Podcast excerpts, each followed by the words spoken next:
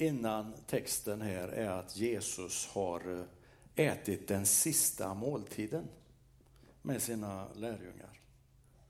Och då har det blivit uppenbart för dem att det här äventyret säkerligen inte kommer att gå alls så som de hade hoppats. Det känns inte längre som att det är en stor triumf som är på gång. Det ser mörkt ut. Det känns väldigt dystert. Och framtidsutsikterna känns förmodligen, tänker jag, inte alltför lockade, lockande för vännerna. Och så inleder då Jesus sitt avskedstal och säger Känn ingen oro. Tro på Gud och tro på mig. Och tro, det handlar ju om tillit. Om att våga lita på. Så innebörden är ju egentligen, känn ingen oro, lita på Gud. Och lita på mig. Och jag tänker det här som har hänt runt måltiden, kanske har det lett till att lärjungarna har börjat ifrågasätta sig själva. Alltså jag tänker, varför skulle Jesus annars börja med att säga känn ingen oro? Jag tänker att de, att de är osäkra. Kommer jag, kommer jag verkligen att räcka till nu när det gäller?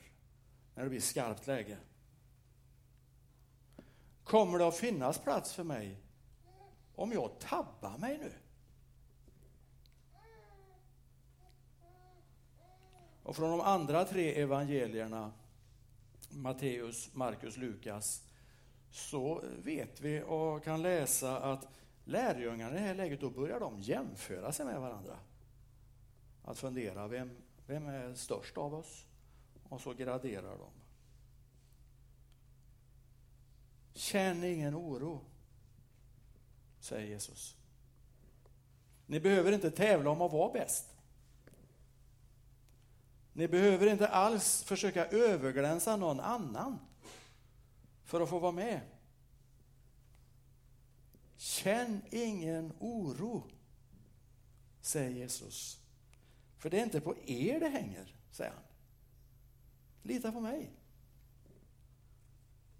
Jag ska bereda plats för er. Och när han bereder plats då funkar det inte som en laguttagning där vissa kanske ställs utanför laget, där en del kanske ställs upp på listan över de som ska säljas, som inte är intressanta längre.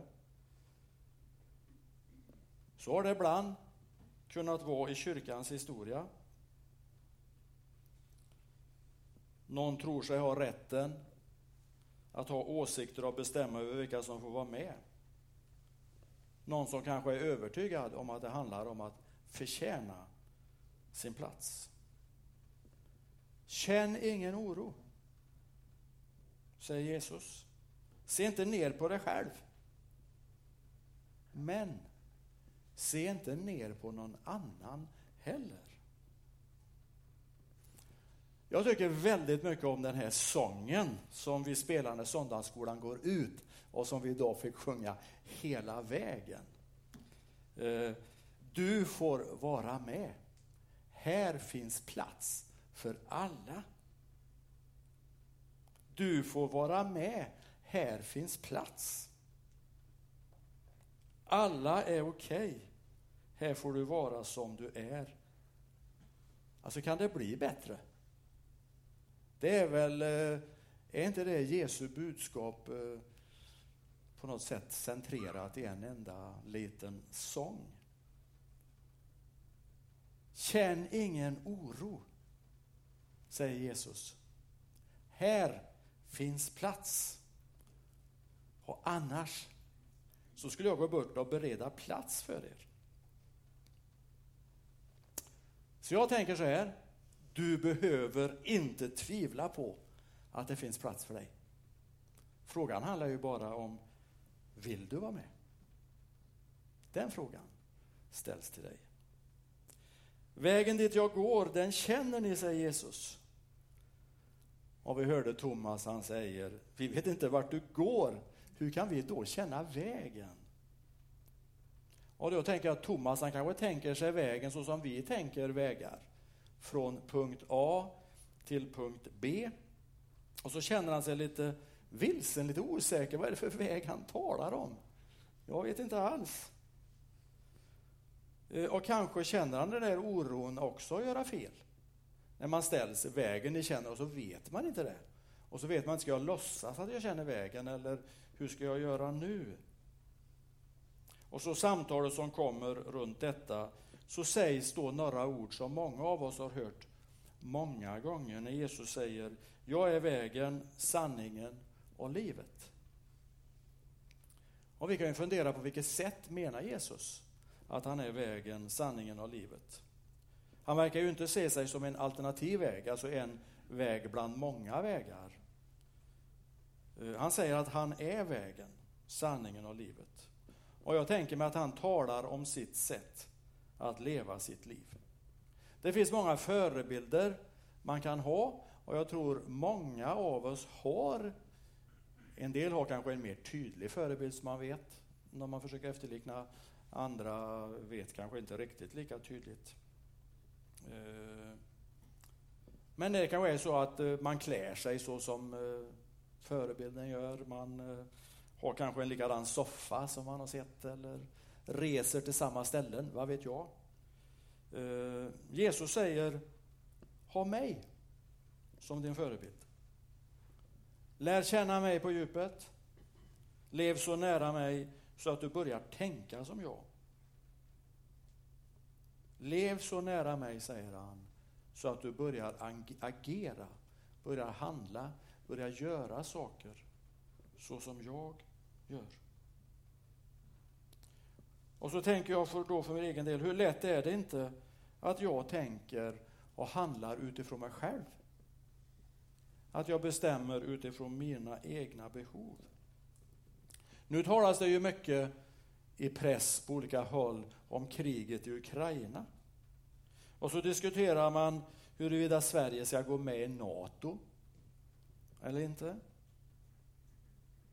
Och då kommer ju den här frågan. Hur tänker vi? Tänker vi på vår egen säkerhet? Tänker vi på vårt eget bästa? Då kanske vi tar vissa beslut. Tänker vi utifrån Jesus sätt, så vad vet jag? Då kanske vi tänker och bestämmer på ett annat sätt. Ska världen vara en bättre och tryggare plats för oss? För oss svenskar att leva i? Eller ser vi det hela i ett större perspektiv? Att världen ska vara en bättre och tryggare plats för alla att leva i. Och då kan man fundera, blir besluten precis samma oavsett hur vi tänker? Eller leder de här olika ståndpunkterna till olika beslut? Andra frågor som är stora, miljöfrågan, konsumtionsfrågan. Det påverkas ju ganska mycket om jag tänker bara till mitt eget bästa. Eller om jag tänker till alla andra som finns på klotet. Och då är det givetvis viktigt vilka förebilder vi har. Vilka som vi lyssnar på. Vilka som vi ger vårt förtroende. Och det är här som Jesus vill komma in och visa på vägen. Visa på sanningen. Och visa på livet. Och jag har säkert frågat ungefär liknande någon gång förut. Men om, han, om Jesus skulle ha dina möjligheter. Om han skulle liksom få ha ditt liv. Skulle han göra samma val som du? Tror du? Ja, jag kan ju fundera, skulle han, skulle han välja som jag gör? Eller skulle han tänka annorlunda? Om Jesus var här, vart skulle han resa på semester? Vad skulle han prioritera om han levde hos oss här idag? skulle man märka skillnad på hans fokus Om man jämför med mig till exempel, eller med dig. Eller ska det vara ungefär samma? Om ni har lärt känna mig ska ni också lära känna min fader, säger Jesus. Och så svarar Filippos, och jag tänker att han tänker kanske lite som vi gör idag. När jag säger vi, då är det typ som jag tänker då, jag ska inte dra in er i det. Uh, Filippos han säger, visa oss Fadern. Alltså Jesus säger, talar om att lära känna Fadern. Och så svarar Filippos, visa oss Fadern, det är nog för oss. Uh, det känns nästan som att vi behöver inte lära känna honom. Uh, det, det, är ju rätt bra som det är. Visa honom bara, så räcker det. Men Jesus nöjer sig inte med det. Han säger Fadern är i mig och utför sina gärningar. Och det blir så tydligt att Jesus ser sig själv som en kanal, som ett redskap för Fadern. Och så talar Jesus om gärningar. Det som vi talar om att det behövs inga gärningar för att få vara välkommen. Och det stämmer ju. Men Jesus talar ändå på något sätt, pekar på sitt liv. Hans sätt att leva. Och så säger han att hela hans, eller säger, hela hans liv pekar på något sätt på Fadern. Och det är så som Jesus vill att vi ska leva. Så att allt vi gör pekar på honom. Han vill att hans liv ska märkas i våra inställningar och vår attityd, inte minst till varandra. Vi läste ju, det var ju första verserna, första 14 ifrån Johannes evangeliets 14 kapitel. Om man läser i slutet på kapitel 13, i slutet på måltiden, så säger Jesus alla ska förstå att ni är mina lärjungar om ni visar varandra kärlek. Det är en viktig grej. Och så tänkte jag så här när jag satt och funderade, om det skulle visa sig, ah, ni har ju inte kollat in alla som sitter här, men tänk om det skulle vara så att Jesus satt här på en av stolarna fullt synlig. Så tänker jag att kanske att en del av oss skulle känna efter, har jag mobilen med så kan jag ta ett kort. Och så kan jag liksom visa att eh, idag träffar jag Jesus. Och någon av oss skulle vara mycket modigare då, skulle fråga, kan vi ta en selfie med Jesus? Eller ja, det är bara en tänkt tanke. Eh, men jag tänker då att Jesus vill inte vara den som vi bara kan säga att vi har mött. Han vill vara den som vi följer med våra liv. Och han vill att du och jag koncentrerar oss på att bli så lik honom som möjligt. Så att det är han som syns, lyser igenom, eh, reflekteras i våra liv. Att vi lever med hans kärlek och omsorg som drivkraft i livet. Att vi på samma sätt som han såg sig som en kanal eh, för Faderns omsorg på olika sätt, att vi får vara kanaler för honom genom vilka han får möjlighet eh, att nå människor som han annars inte skulle kunna nå fram till. Det finns en tidning som heter Sändaren, kommer varje vecka. Och i den här veckan som har gått nu så på sista sidan så skriver Olle Alkom som tidigare var biträdande kyrkoledare i Equmeniakyrkan, han skriver en text där. Och så citerar han Edin Lövås.